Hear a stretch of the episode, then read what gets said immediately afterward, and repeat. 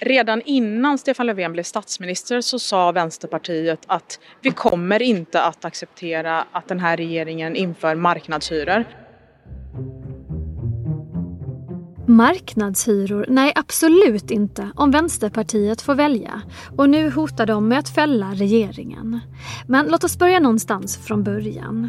Marknadshyror, vilket lite enkelt förklarat handlar om fri hyressättning på nyproducerade lägenheter, är en av punkterna i januariavtalet mellan regeringen, Centerpartiet och Liberalerna. C och L vill se en reformering av hyresmarknaden och de menar att deras förslag kommer att leda till fler lägenheter och kortare bostadskö. Enligt Vänsterpartiet kommer det att leda till högre hyror och de varnar för att människors vardagsekonomi kan slås i bitar. Det innebär kraftigt höjda hyror. Det är ett systemskifte på svensk bostadsmarknad. Det skulle göra att väldigt många människor skulle ha svårt att betala hyran.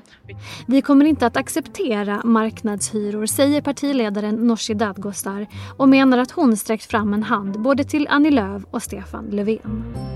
Men den handen är kall och nu hotar alltså V med att fälla regeringen. Och det är ju inte första gången, så vad är annorlunda nu? Varför är frågan om marknadshyror så känslig? Och vad vinner eller förlorar V på det här utspelet?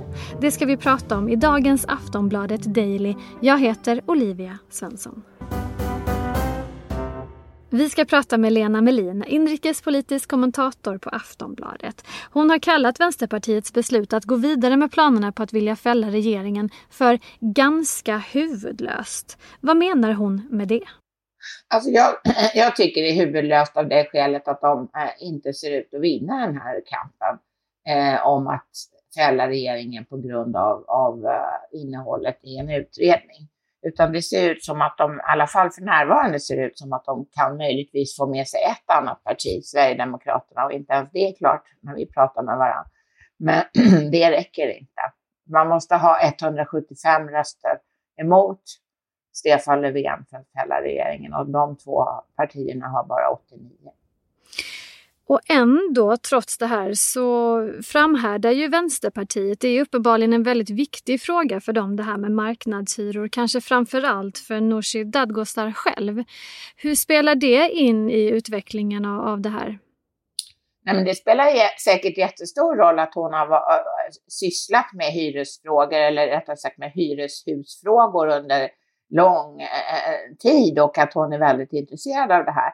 Men det hindrar ju inte från att äh, Vänsterpartiet beter sig omoget i den här frågan. Därför att regeringen har ju ännu inte gjort någonting utom att tillsätta en utredning och ta emot utredningens förslag. Något övrigt har de ju inte gjort. De har inte presenterat någonting för riksdagen där Nooshi Dadgostar sitter. Eh, så eh, det finns ju ännu ingenting för det politiska systemet att ta ställning till. Skulle vi kunna eh, gå till och backa lite här och vad handlar egentligen frågan om marknadshyror om? Alltså för många kan det här notera sig som lite krångligt. Vad är kärnan?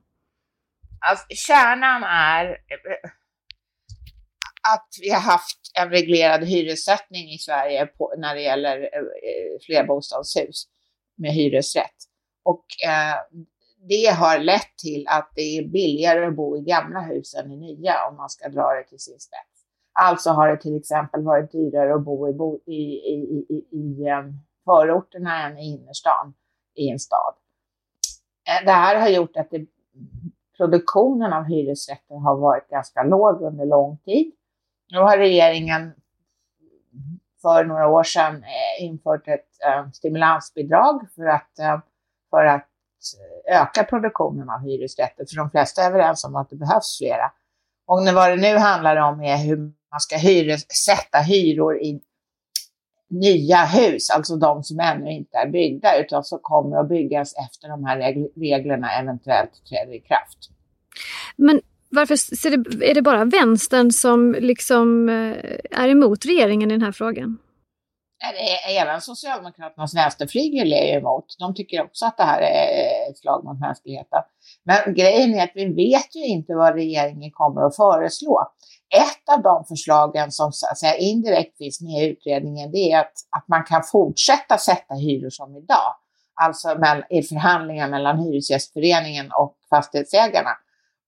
en för, det kommer i så fall vara en förutsättning för att man ska få det här stimulansbidraget för nybyggnationer enligt eh, justitieminister Morgan Johansson som är beställare av den här utredningen som har retat eh, livet i Vänsterpartiet.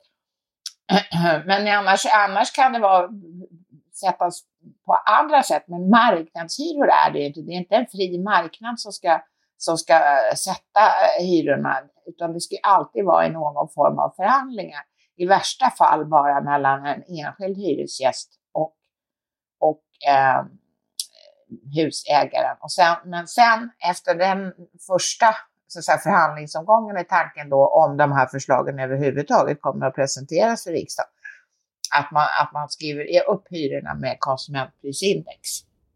Ja, och nu har du, även om det inte frågan har kommit upp då på bordet från regeringen än, så har det ju verkligen hettat till eh, mellan vänstern till exempel och Centerpartiet, där de har anklagat varandra för olika saker. Centern har sagt att Vänsterpartiet far med lögner bland annat.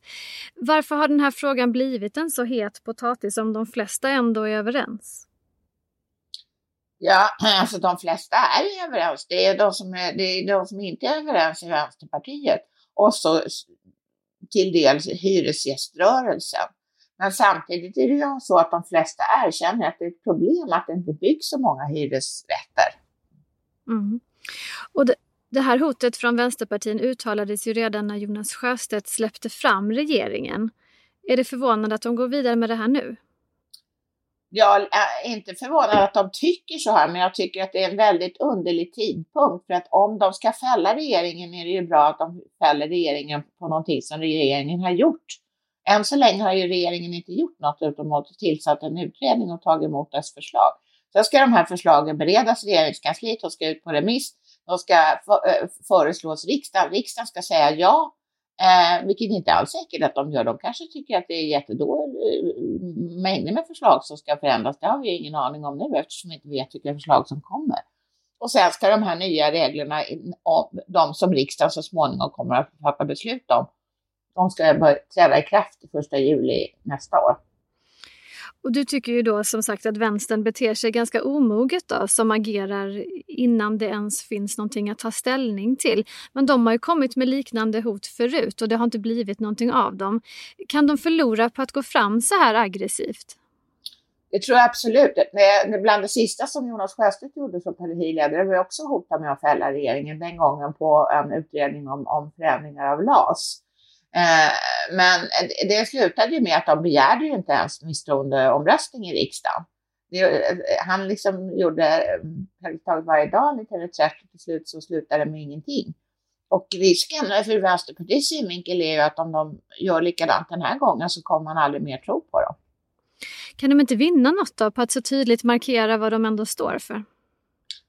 Uh, jo, uh, säkert hos några, men, men uh, saken är inte riktigt lika glasklar kanske som, som, eh, som Vänsterpartiet gör gällande. De har liksom sin första sida på hemsidan, det står så här hyreskock, stoppa hyreskocken. Mm. Ja, men vad är det som säger att det blir en hyreskock och när blir det en hyreskock? Det här berör ju inte de som nu bor i hus som är uppförda. Nej, och där har vi väl en viktig kärna också. Alltså hur viktig är den här frågan för väljarna? Eh, ja, det är ju om man eh, liksom eh, ägnar fem minuter åt dem så, så kanske de flesta inser att det berör inte dem. Och det, det för det första beror ju inte alla i hyresrätt och för det andra så kommer det här handla om en mycket, mycket liten andel av hyresbeståndet. Um, men så att men däremot så kan man ju vara, om man inte ens ägnar fem minuter åt frågan, då kan man ju bli ängslig att man, att man ska få skyhög hyra plötsligt. Ponera då att vänstern fortsätter att eh, langa fram det här hotet mot regeringen. Vem ska kunna hosta upp fler ledamöter då? För de måste ju kunna ha 35 stycken om de ska väcka en misstroendeförklaring i riksdagen. Ja, alltså de, det är så att fyra partier står ju bakom att den här eh, utredningen tillsattes och har lämnat sina förslag. Det är de, de fyra partier som står bakom januariavtalet. Två partier har sagt att de eh, är inte med på vänsterns tåg den här gången. Det är Moderaterna och Kristdemokraterna. Kvar eh, återstår ju då för Vänsterpartiet Sverigedemokraterna som vad jag vet inte har gett någon klar uttryck för hur de ser på just det här. Men vänstern är väl inte villiga att göra gemensam sak med Sverigedemokraterna i några frågor? Jo, alltså bara de slipper prata med Sverigedemokraterna så har de inget emot att Sverigedemokraterna röstar på samma sak som de gör. Okej, okay. och vilket tror du är det troligaste scenariot framåt då? Alltså, jag, jag vet inte. Det är ju så här också att Sverigedemokraterna, eller förlåt mig, Vänsterpartiet vill ju att det här ska vara avgjort före sommaren. Eh, och på onsdag nästa vecka är den sista omröstningen i riksdagen före sommaruppehållet. Så det är ganska ont om tid. Det är, I den bästa av världar, eh, om man ser det ur Vänsterpartiets synvinkel, så får de ju med Sverigedemokraterna på tåget. Eh, de lyckas begära misstroendevotum, det ska bordläggas några gånger och sen klubbas det och så genomförs det före onsdag. Men då får det inte vara några långörer i den här processen. För då kommer det inte att bli förrän efter sommaruppehållet. Eller också att man får kalla in riksdagen extra. Men tror du att det kommer att hända? Jag hoppas verkligen inte att man kallar in riksdagen extra för det här. Det är också så att vi har äh, haft 11 förtroendeomröstningar i riksdagen sedan 1980. Äh, ingen har blivit fälld på grund av dem. Tack så mycket Lena. Varsågod. Sist här hörde vi Lena Melin, inrikespolitisk kommentator på Aftonbladet. Jag heter Olivia Svensson och du har lyssnat på Aftonbladet Daily. Glöm inte att prenumerera på podden så missar du inga avsnitt. Och så hörs vi snart igen. Hej då! Du har lyssnat på en podcast från Aftonbladet. Ansvarig utgivare är Lena K Samuelsson.